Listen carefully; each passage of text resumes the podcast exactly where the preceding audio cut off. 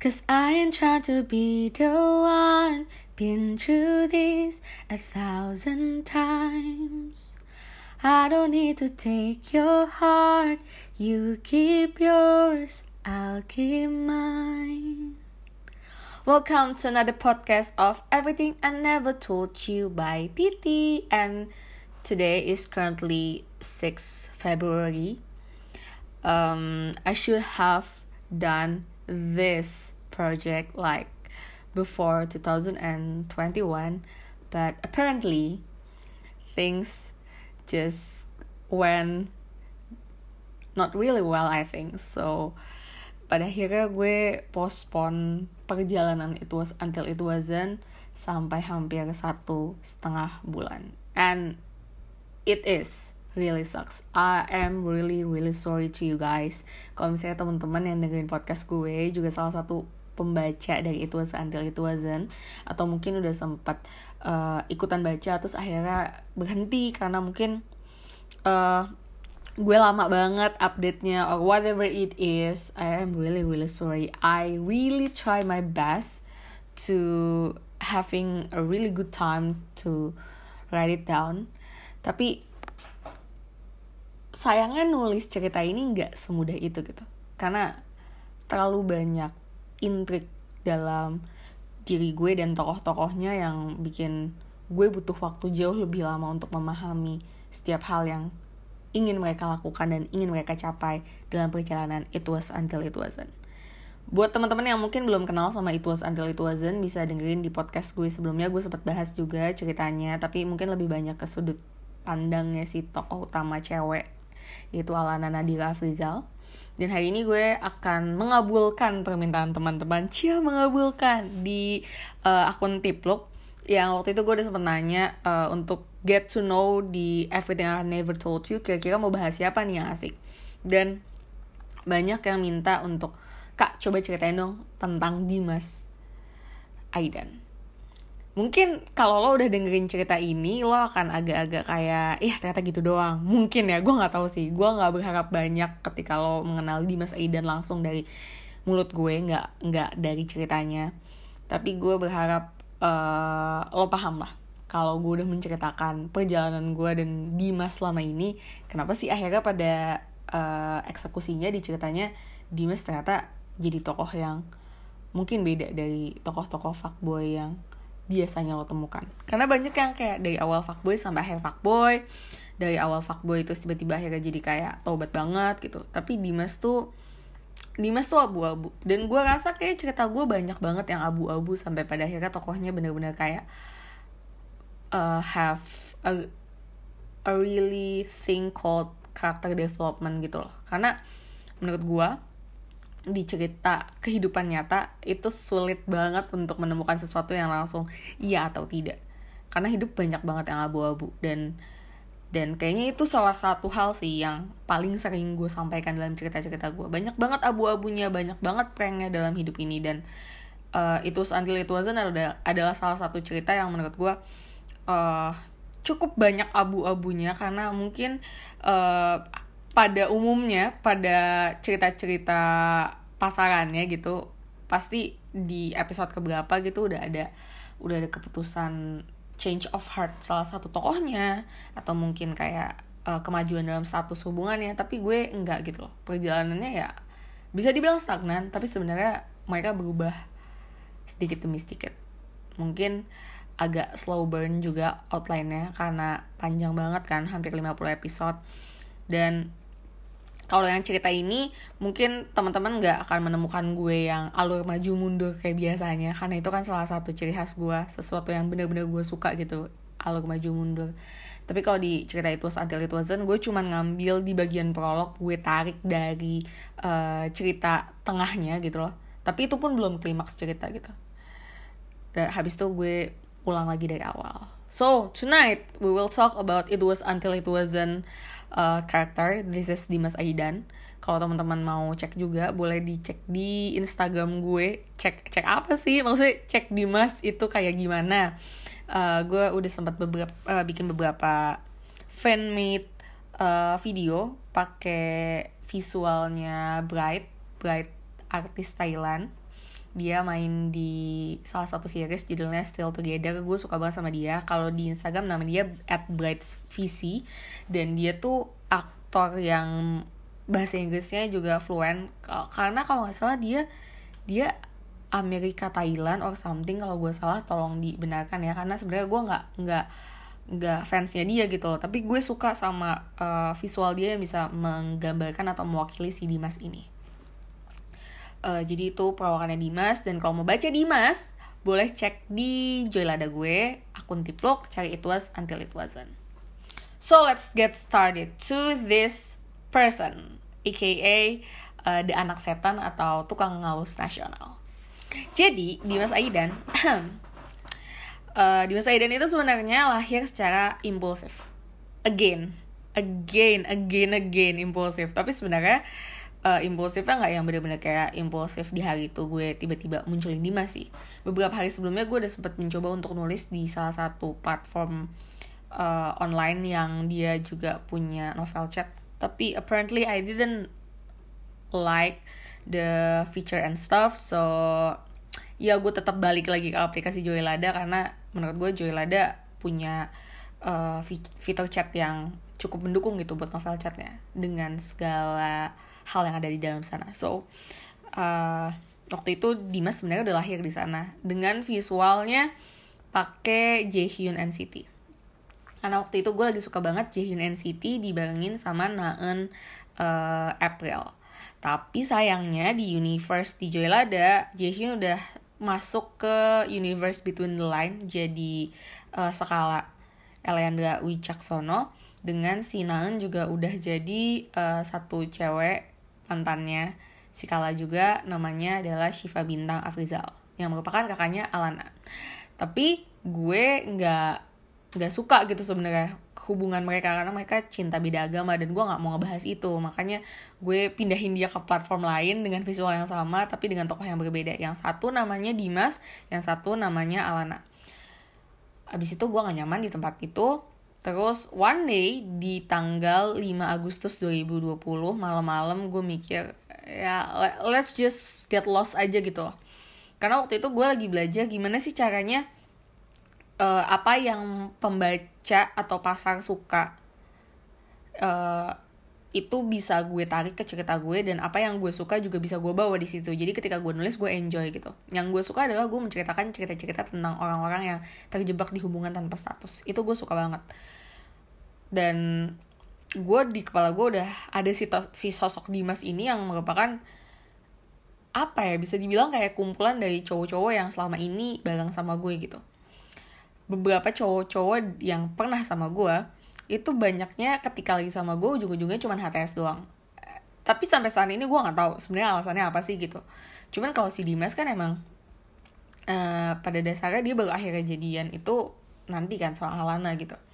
Tapi kalau si cowok-cowok yang bareng sama gue itu akhirnya dia jadiannya juga sama orang lain gitu. Jadi gue kayak yang gue nggak tahu sebenarnya apa sih apa yang bikin lu tuh uh, mau terjebak sama HTS gitu loh. Ketika lo juga nyaman sama nih cewek kenapa nggak lo jadiin aja gitu? Dan dari keresahan itu akhirnya gue hadirkan lah Dimas Aidan. Dimas Aidan itu dari awal kembali lagi gue ceritakan bahwa ini impulsif jadi gue mengembangkan karakternya seiring dengan uh, berjalannya waktu. Tapi yang jelas di kepala gue dia adalah presiden.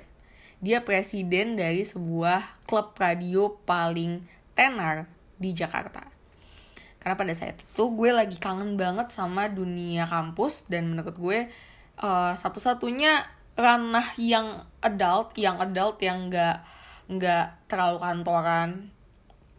Kayaknya kantoran udah nggak yang adult ya. Cuman maksud gue kayak yang bisa diterima sama pasar Joylada itu kayaknya kuliahan masih bisa diterima deh. Yang ada kegiatan tentang klubnya mereka masih bisa terima deh. Makanya gue kayak yaudah deh gue bahas tentang presiden radio. Karena uh, gue ngeliat kayaknya orang-orang tuh kalau uh, apa ya namanya ngelihat satu tokoh kalau nggak dia tuh keren banget ya dia bukan apa-apa banget gitu loh. Yang tiba-tiba jadi kayak from zero to hero misalnya kayak gitu. Atau enggak yang kayak dia adalah hero tapi ternyata di belakangnya dia punya backstory yang oh ternyata dia punya masalah juga ya. Nah, gue mencoba untuk ambil yang paling mainstream. Oh, ternyata dia adalah hero tapi belakangnya dia punya masalah. Dan masalah Dimas adalah Dimas gak suka yang namanya berkomitmen.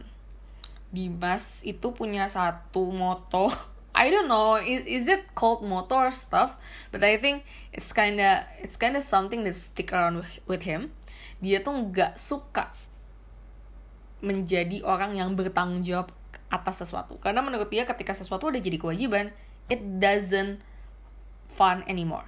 Kayak itu tuh udah nggak seru lagi gitu loh. Dan menurut gue bener bener banget gitu loh yang Dimas Dimas omongin tuh bener banget. Karena beberapa orang terjebak di HTS karena ya kalau udah ngelewatin fase PDKT everything change. Dan menurut gue itu jadi salah satu parameter kenapa orang gak mau untuk uh, pacaran gitu loh nah itu juga jadi uh, apa ya jadi perhitungan buat Dimas kenapa akhirnya Dimas cuman mau di fase HTS aja. Waktu gue cerita sama beberapa teman-teman gue tentang Dimas gitu mereka masih nggak menemukan kenapa sih Dimas tuh menarik gitu kenapa Dimas tuh bikin orang uh, suka gitu sama dia. Tapi kalau yang uh, dari gue obrolin bareng sama si Dimas ini apaan sih? Itu maksud gue kayak apa yang gue pahami dari Dimas adalah Dimas itu orang yang apa ya dia tuh tipe orang yang bisa nge-influence orang lain. Dimas tuh tipikal leader lah. Leader yang emang dari awal juga dia bilang kalau gue adalah presiden uh, Prita Jaya Radio so whatever happen to this club I will take it I, I will take care of everything by myself gitu loh. Gue bakal be responsible with every mess in this club gitu. Dan dia emang menunjukkan itu gitu loh dengan dengan caranya dia sendiri gitu.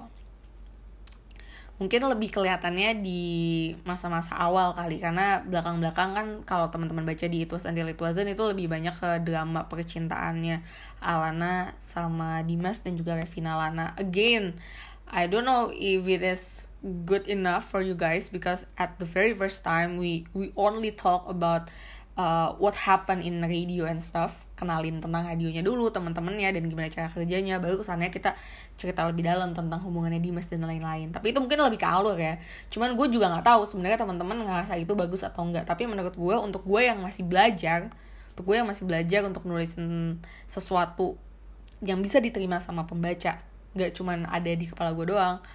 I feel like this way is like uh, the middle way gitu loh. Kayak gue dan pembaca gue bertemu di uh, pertengahan jalan untuk sama-sama bisa memahami apa yang mau gue sampaikan gitu. Because nulis cerita itu gak cuman masalah gue nulis oh ini ada Dimas gitu. Lo harus cinta sama Dimas. Karena Dimas itu adalah presiden radio yang kalau ngomong suka bikin baper. Nggak cuman kayak gitu karena menulis itu lu harus lu harus bisa menceritakan juga. Kenapa sih Dimas gitu orangnya? Dan dari yang gue lihat ya yang bisa gue gambarin Dimas adalah orang yang bisa menginfluence orang lain. Orang yang bisa I don't know how how to spell it in Indonesia.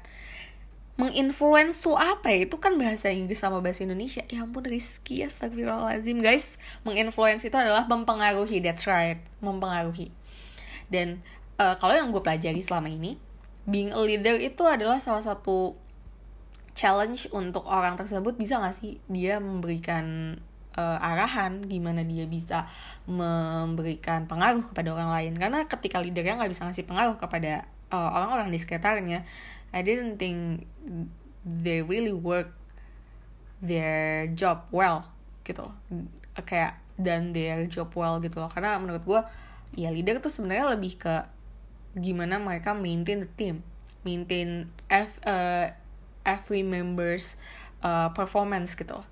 Lebih ke situnya. Bukan kayak leader itu nggak harus selalu dia yang paling sempurna nggak harus selalu siaran yang paling keren nggak harus yang paling pinter gitu. Karena kalau gue lihat dari dari uh, circle Dimas ya vice presidennya Dimas jauh lebih tegas gitu jauh lebih lebih bagus gitu dalam mengarahkan. Terus yang Spikes yang satunya lagi dia jauh lebih bagus untuk menengahi ketika ada masalah dan lain-lain. Untuk menjadi orang yang memutuskan sesuatu. Gue lihat itu ada di Gianni dan juga Revina Lana. Tapi Dimas itu bisa nge-influence orang lain. Tuh kelihatan dari gimana cara dia untuk ngobrol sama Alana, gimana cara dia untuk ngobrol sama Revina Lana dan anak-anak dia yang lain gitu loh. Kelihatan. Uh, dia tahu gimana untuk touch someone heart. Itu yang gue lihat dari Dimas. So ya ya itu itu sih yang gue rasa uh, kenapa Dimas itu bisa mendapatkan hati orang lain. Wow, that's quite deep Anyway, for the general one, uh, Dimas itu tinggi, terus dia rahangnya tegas, terus mukanya tuh yang kalau lo lihat dia tuh nggak ganteng menurut gue. Dimas tuh bukan cowok yang ganteng, tapi ketika lo lihat dia, dia punya karisma. Dia punya sesuatu yang kayak aura cowok gan bukan cowok ganteng, cowok cowok yang uh, bisa jadi pemimpin that kind of people gitu loh yang bukan ganteng bukan karena ganteng di fisik gitu dia ganteng karena dia punya aura itu dan itulah Dimas dan eh, gue tuh paling suka Dimas ketika di bayangan gue ya. Gue membayangkan Dimas ketika Dimas lagi senyum ketika Dimas lagi kayak smirk smirking smirking. What is it smirking? Menyeringai. That kind of thing gitu loh. Dia menyeringai. Terus dia natap seseorang gitu. Gue suka sama fitur mukanya yang di bayangan gue dia adalah tipikal orang-orang yang bisa meluluhkan hati orang lain. Karena gue menemukan banyak sekali orang yang uh, punya tatapan mata yang nggak bisa digantiin sama orang lain. Mungkin itu karena ter keterlibatan emosi juga ya ketika kita ngobrol kita punya emosi yang gimana gitu sama uh, orang itu gitu loh sama lawan bicara kita. Yang bikin kita juga makin ngerasa deket gitu sama si tokoh tersebut atau sama orang tersebut gitu. Tapi kalau Dimas sama orang yang baru kenal pun Dimas punya aura itu. Selain dia tinggi dia juga punya tatapan mata yang bagus. Dia punya ekspresi wajah yang kelihatan tegas dan lain-lain. Menurut gue nothing really special lagi gitu loh dari uh, perawakannya Dimas. Terus gue akhirnya menemukan si Bright Visi itu dan gue ngerasa ya Bright kayaknya cocok untuk memvisualisasikan Dimas. Maka dari itu gue pun meminjam uh, beberapa foto-fotonya Bright yang tentu saja sudah gue tuliskan sumbernya dari mana ketika gue menulis. Habis itu selalu ditulis ya guys. Kalau habis ngambil foto ngambil lirik atau apa pun itu ditulis ngambilnya dari mana. Karena itu adalah salah satu cara lo untuk menghargai uh, karya atau enggak kepemilikan orang lain. Um, akhirnya gue memutuskan untuk memilih Bright sebagai tokohnya. Selain itu juga suaranya Bright kalau lo sempat dengar ada di beberapa mungkin lo bisa googling aja suaranya Bright itu suara cowok-cowok yang kalau pagi-pagi tuh suaranya serak-serak yang bikin baper gitu loh. Lo tau gak sih kayak lo kebayang pagi-pagi lo uh, lo baru bangun baru melek terus cowok yang kayak pagi al gitu. That kind of that kind of thing itu Dimas punya itu generalnya Dimas. Terus Dimas itu Aries. Kenapa sih gue milih Aries? Oh dia Aries kelahiran 1999 jadi udah mau ke 2000 kenapa gue ngambil 99 karena Dimas itu adik kelasnya kayak agak senja di between the line. Jadi mereka masih satu circle. Makanya dia, dia juga di sekolah yang sama dan eh di kuliahan yang sama dan dia juga adik tingkatnya kayak agak sama Jaja di jurusan Mass Communication. Uh, gue ambil dia Aries karena gue mengenal banyak sekali Aries yang sangat-sangat aneh menurut gue. Kenapa sih menurut gue Aries aneh? Kadang ya, Aries-Aries yang gue temukan sebenarnya mereka nggak yang kayak punya feature yang gimana lo, lo, lo tau gak sih kayak kayak misalnya lo ngobrol sama gue gitu lo tau gue hard selling myself I really put myself out there gitu loh. Untuk orang-orang tahu kalau gue tuh nulis kalau gue tuh podcasting kalau gue tuh MC and everything else gitu loh.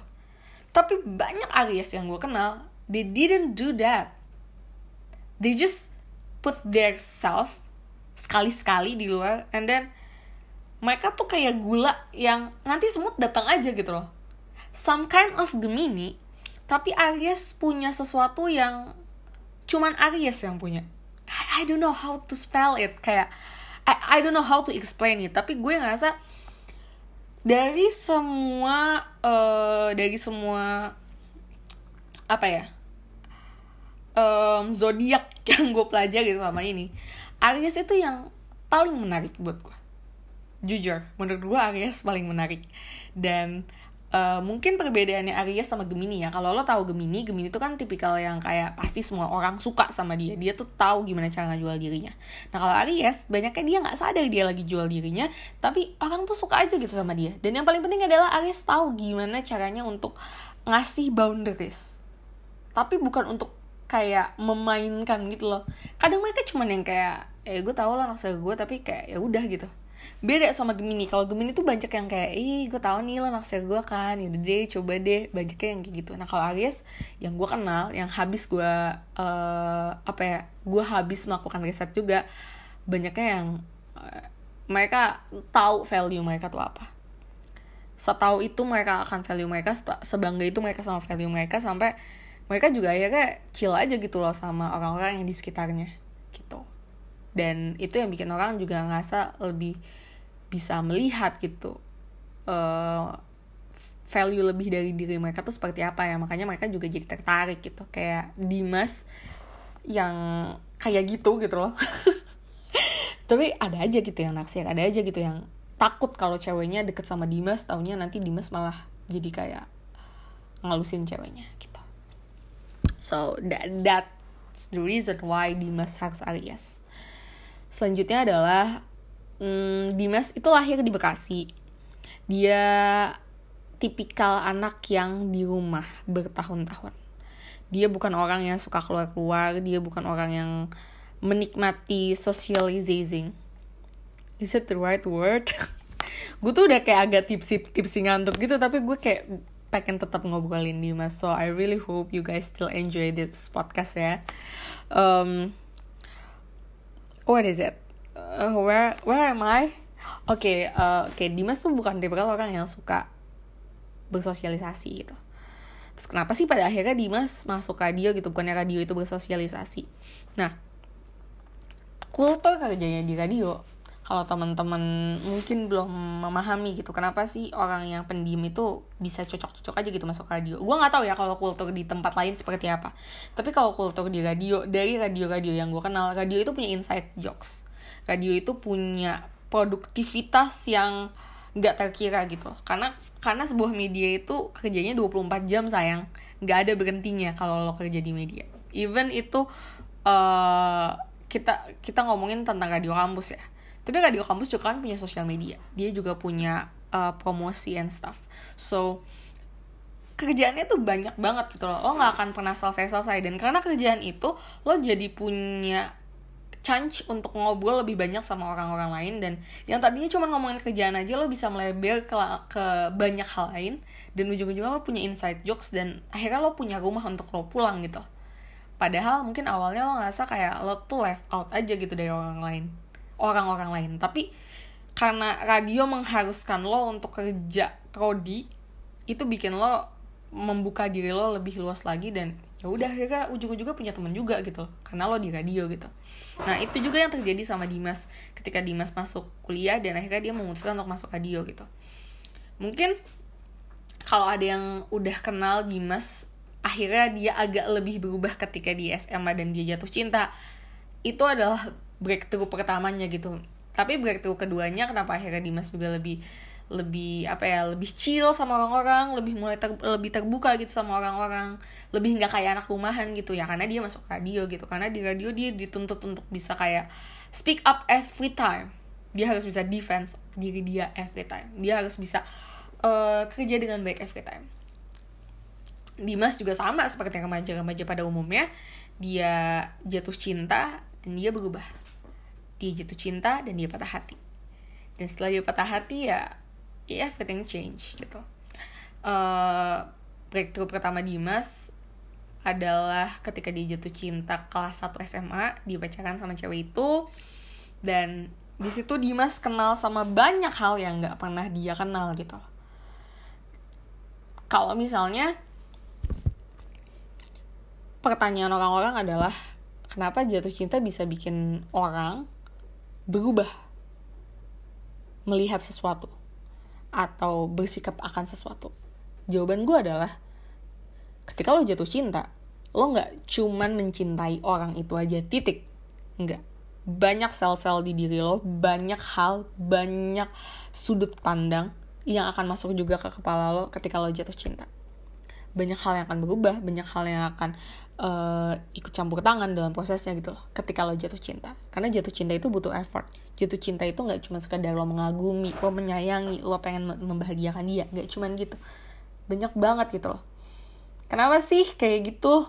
Ya karena lo mencoba untuk mencintai orang lain yang bukan lo. Lo memasukkan banyak informasi lain. Lo memasukkan experience orang lain ke dalam diri lo untuk lo proses untuk lo pahami oke okay, dan lo akhirnya tahu gimana caranya lo harus ngerti orang itu itu yang bikin lo bisa berubah ketika lo jatuh cinta.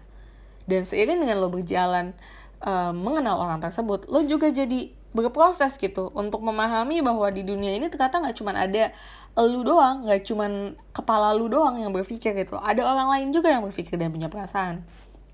Dan itu yang membuat orang ketika patah hati banyak value yang akhirnya berubah juga dari diri dia. Dan itu yang terjadi sama Dimas Dimas sama aja sama lo gitu sama kayak gue kita berubah karena patah hati gitu. Kalau ngomongin tentang keluarganya Dimas dia datang dari keluarga yang very nice I think. Bokapnya dokter. Am I right? Am I right? I'm kinda lost this way really. Tapi yang paling jelas nyokapnya itu uh, bisa dibilang pengusaha. Yes uh, nyokapnya eh bokapnya pengusaha. Eh sorry nyokapnya pengusaha dia punya restoran. Karena nyokapnya itu adalah uh, anak dari Crazy Rich Surabaya jadi emang aslinya orang Surabaya gitu loh keluarga besarnya nyokapnya gitu. Dan dia punya punya restoran banyak di mana-mana. Nyokapnya gitu kakaknya dokter dokter yang cukup sukses. Um, bokapnya juga dokter seingat gue bokapnya juga dokter deh. Kalau nggak salah ya guys. Sumpah ini lo pasti benci deh sama gue ketika lo tahu gue lupa apa pekerjaan bokapnya Dimas. Karena apa ya perubahan Dimas kalau di cerita gue yang ini ini nggak nggak terjadi karena keluarganya gitu. Kayak gue lupa apakah gue pernah bahas ini juga di Rea atau enggak tapi kalau Rea Eliana Wicaksono si tokoh utama gue di Between the Line dia berubah juga karena uh, keluarganya mengharuskan dia untuk grow up lebih cepat gitu. Ketika dia punya masalah keluarga bokap nyokapnya ternyata nggak nggak get well gitu loh. Dan akhirnya Rea harus berubah jadi orang yang lebih dewasa gitu. Tapi kalau Dimas dia pure. Orang yang biasa di rumah orang yang gak pernah bersosialisasi bukan orang yang benar-benar bersosialisasi gitu yang gak pernah jatuh cinta juga. One jatuh cinta dan habis jatuh cinta dia patah hati dan he can't handle it gitu loh. Dan akhirnya dia berantakan gitu. Padahal dia datang dari keluarga yang baik-baik aja gitu. Karena biasanya stereotipnya adalah ketika lo punya uh, mental illness ketika lo punya masalah sama diri lo gitu. Biasanya karena keluarga lo juga punya masalah gitu. Ada beberapa teman-teman gue kayak gitu. Keluarganya bermasalah. Tapi ada beberapa juga keluarganya baik-baik aja. Tapi emang dianya aja dianya nggak cukup kuat untuk melewati itu. Dan itu nggak kenapa-kenapa sebenarnya. Um, ya Dimas tuh kenapa dibilang tukang halus nasional? Karena uh, Dimas adalah orang yang tahu gimana caranya nge orang lain.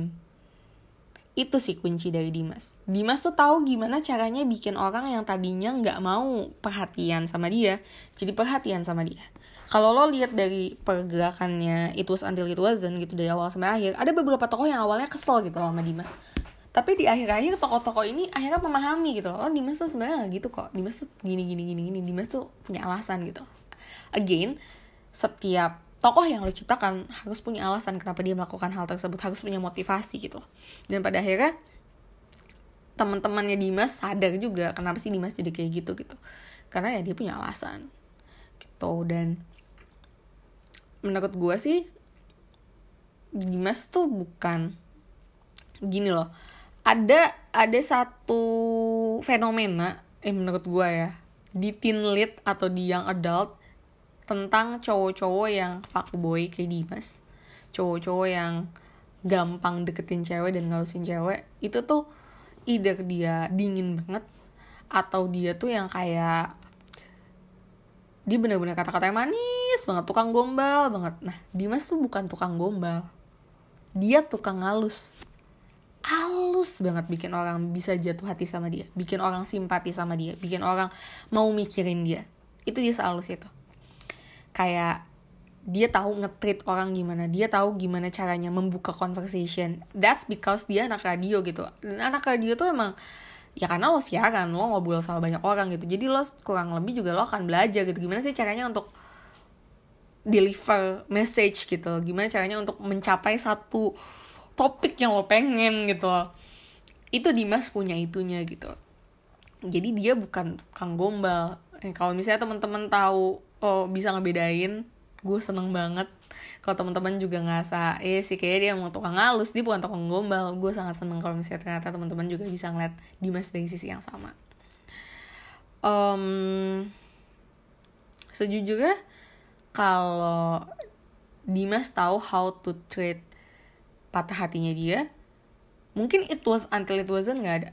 Really tapi karena Dimas terjebak sama patah hatinya dia sendiri jadi ya ada it was until it wasn't.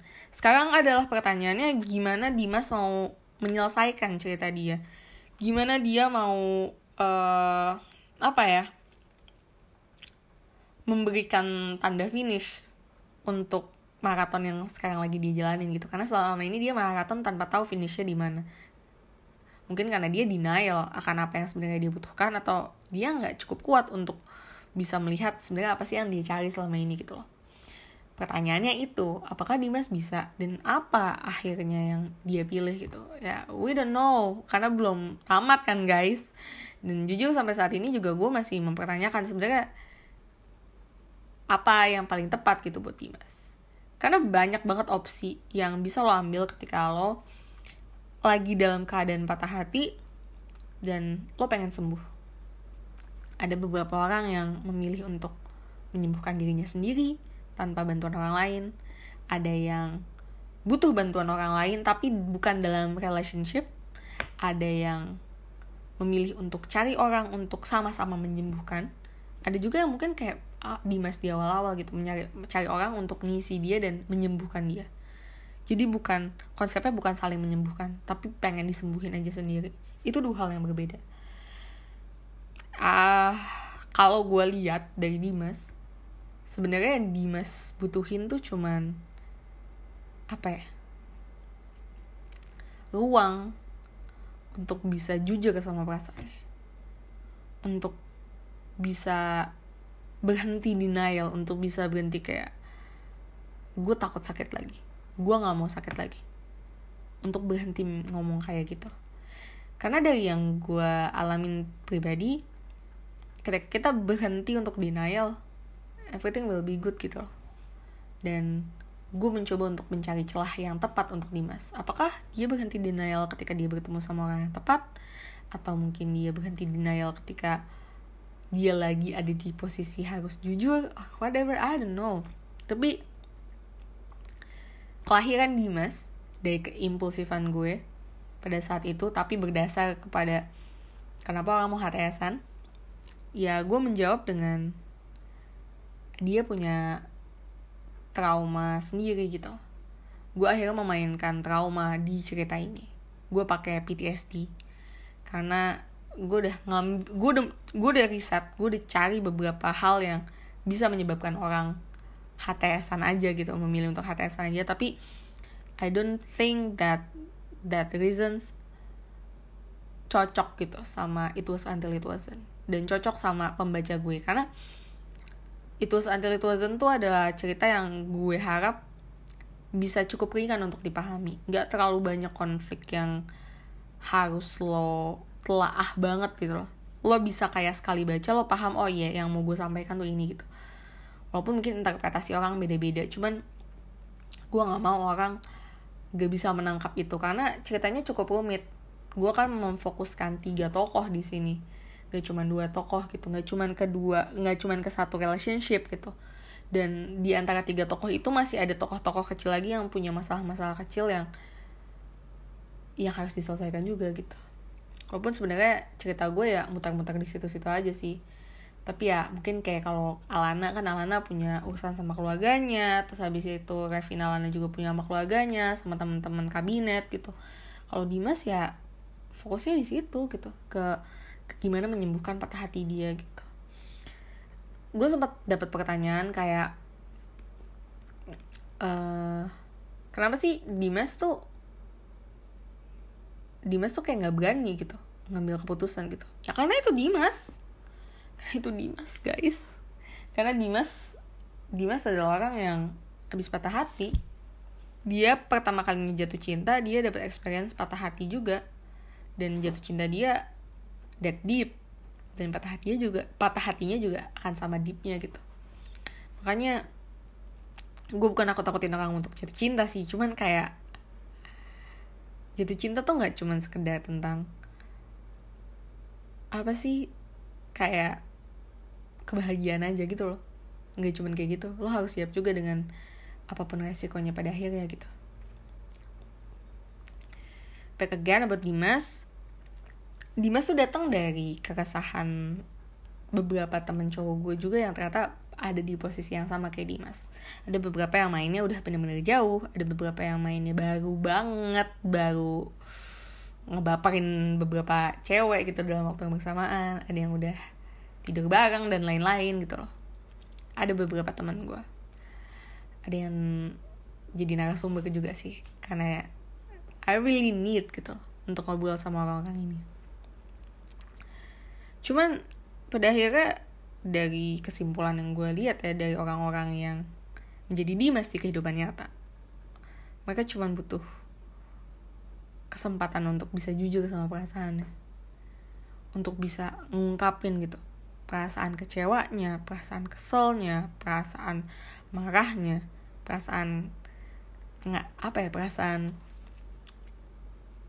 ketidakadilannya gitu karena pasti ada beberapa orang yang merasa nggak adil ketika mereka akhirnya jatuh cinta kok ternyata gak work out well gitu.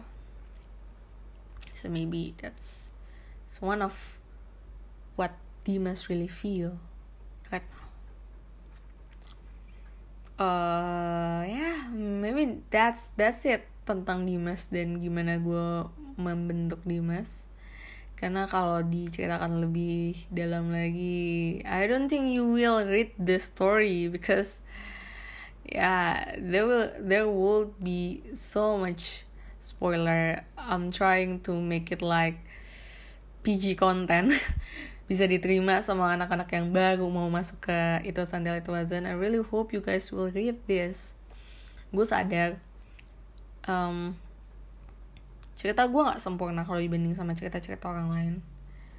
Tapi buat gue dari setiap cerita gue gue pasti belajar untuk menyempurnakan cerita gue lagi versi gue sendiri. So I don't mind sih kalau orang ada yang ngomong eh, tapi cerita lo nggak sekeren itu cerita lo nggak sebagus itu ya nggak apa-apa. Ini dunia gue. Paham gak sih? Kayak lo bilang eh tapi cerita itu Santil itu tuh nggak kayak nggak nggak se sebagus itu ah. Overrated ah. Atau nggak kayak ya nyusahin ribet. Gue nggak paham. Ya nggak apa-apa. Ini dunia gue. Gue lagi belajar. Ya why not? Daripada lo ngejulitin tulisan gue tanpa lu kasih insight yang membangun mending lu nggak usah baca lagi aja gitu. Atau kalau lu baca ya udah gitu nggak usah nggak usah buangin waktu untuk ngejulitin gue gitu. Capek kan ngejulitin gue mendingan lu kalau emang lu ngerasa harus ada yang diimprove ya lo kasih tahu gitu apa kurangnya apa lebihnya gitu. Loh dan gue seneng sih kalau misalnya ada orang yang kayak ngasih tahu kak kayak ini protokol deh kak ini kayak gini deh. Walaupun gue mikir tapi akhirnya gue jadi lebih dalam lagi memahami tokoh-tokoh gue dan bisa menjalani ceritanya jauh lebih baik So, untuk menutup sesi ini, ada beberapa pertanyaan yang udah masuk ke akun Tipluk. Wow, ini udah 40 menit. Oh my god. Pertanyaan pertama dari S C H J I eh S C H R I J V E R underscore. gimana bisa kepikiran buat karakter Dimas yang kayak anak setan. By the way, anak setan itu kayaknya muncul karena teman-teman tuh pada komen, ih Dimas kayak anak setan gitu. Akhirnya gue kayak, ya gue comot dong, makasih banget nih yang udah pada komen-komen anak setan. Akhirnya dia punya tagline anak setan dan bahkan ya teman-temannya nggak baca, aneh deh, teman-temannya banyak yang nggak baca nih. Atau gue nggak tahu mungkin mereka silent reader silent reader ya. Tapi kalau gue upload tentang Dimas atau lain-lain dan mereka kebetulan pengen bales gitu loh mereka bisa nyebutin kalau Dimas anak setan gitu loh. Kayak branding Dimas anak setan tuh udah sangat-sangat tinggi gitu. Padahal kayak Dimas sebenarnya nggak sesetan itu Dimas cuman brengsek aja. Sama aja sih ya. Gimana bisa kepikiran buat karakter kayak Dimas? Tadi gue udah ceritain dari awal sampai akhir. Um, in the short, in the short sentence karena gue pengen tahu apa yang orang ngerasain ketika orang memilih untuk HTSin cewek aja gitu. Apa sih sebenarnya pertimbangannya gitu dan di kasus yang sekarang ya karena dia punya trauma. Mungkin di kasus-kasus orang lain nanti mungkin emang dasarnya dia brengsek aja. Tapi gue gue ngerasa gue nggak punya apa ya nggak punya benang merah yang cukup kuat untuk ngebahas kalau emang dia dasarnya brengsek aja. Gue bukan tipikal penulis yang suka ngebahas itu gitu.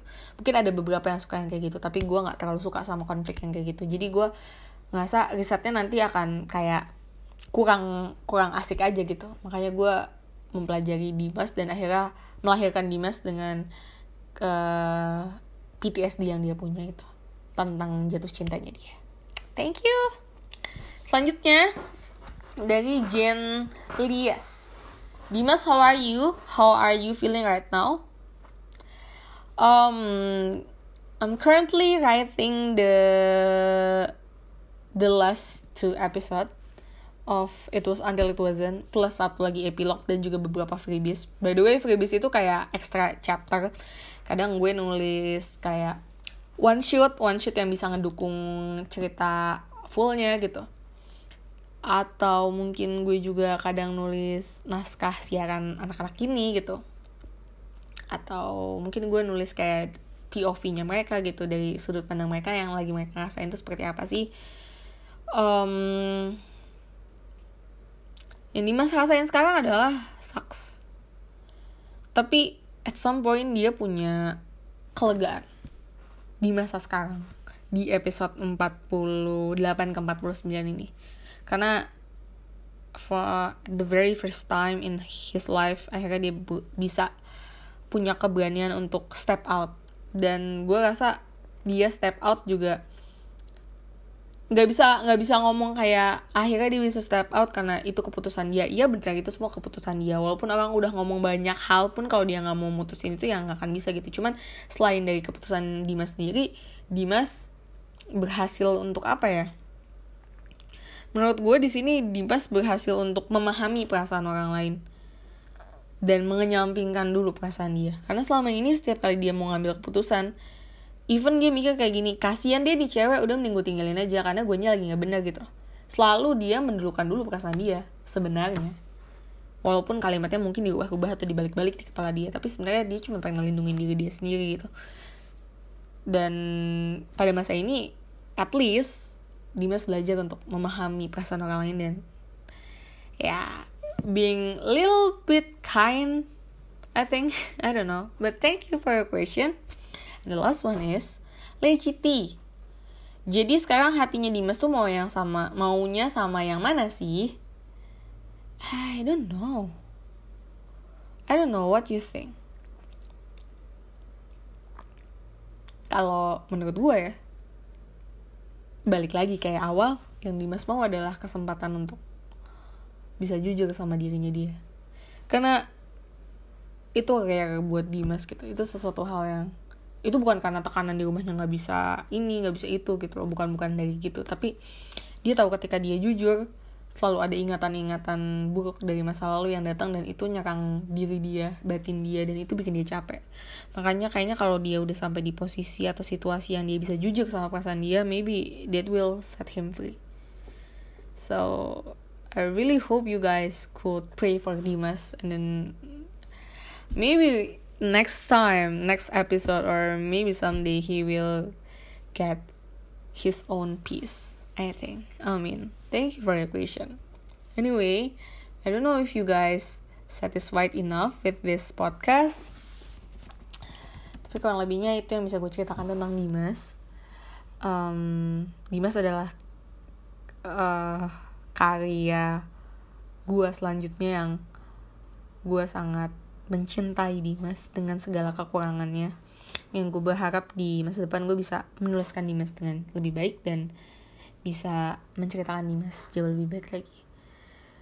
Bayangin aja gue impulsif aja bisa bikin orang baper gitu loh. Gimana kalau gue niat banget gitu nulisnya ya gak sih? So I take it as a really really good journey biar gue bisa jauh lebih baik lagi ke depannya. Dan selama satu bulan ini rencananya gue akan uh, fokus banget sama itu until it wasn't harusnya besok gue udah mulai nulis lagi. Jadi gue harap teman-teman bisa ikut bantu gue ikut semangatin gue juga ikut komen-komen juga biar gue semangat gitu nulisnya menyelesaikan ini semua. Langsung cek aja di uh, akun Jelada gue. Judulnya adalah itu until it wasn't. Dan semoga teman-teman bisa ikutan sembuh bareng sama Dimas. And then this is the end of podcast uh, get to know edisi Dimas Aidan I will talk to you soon. Okay? Bye bye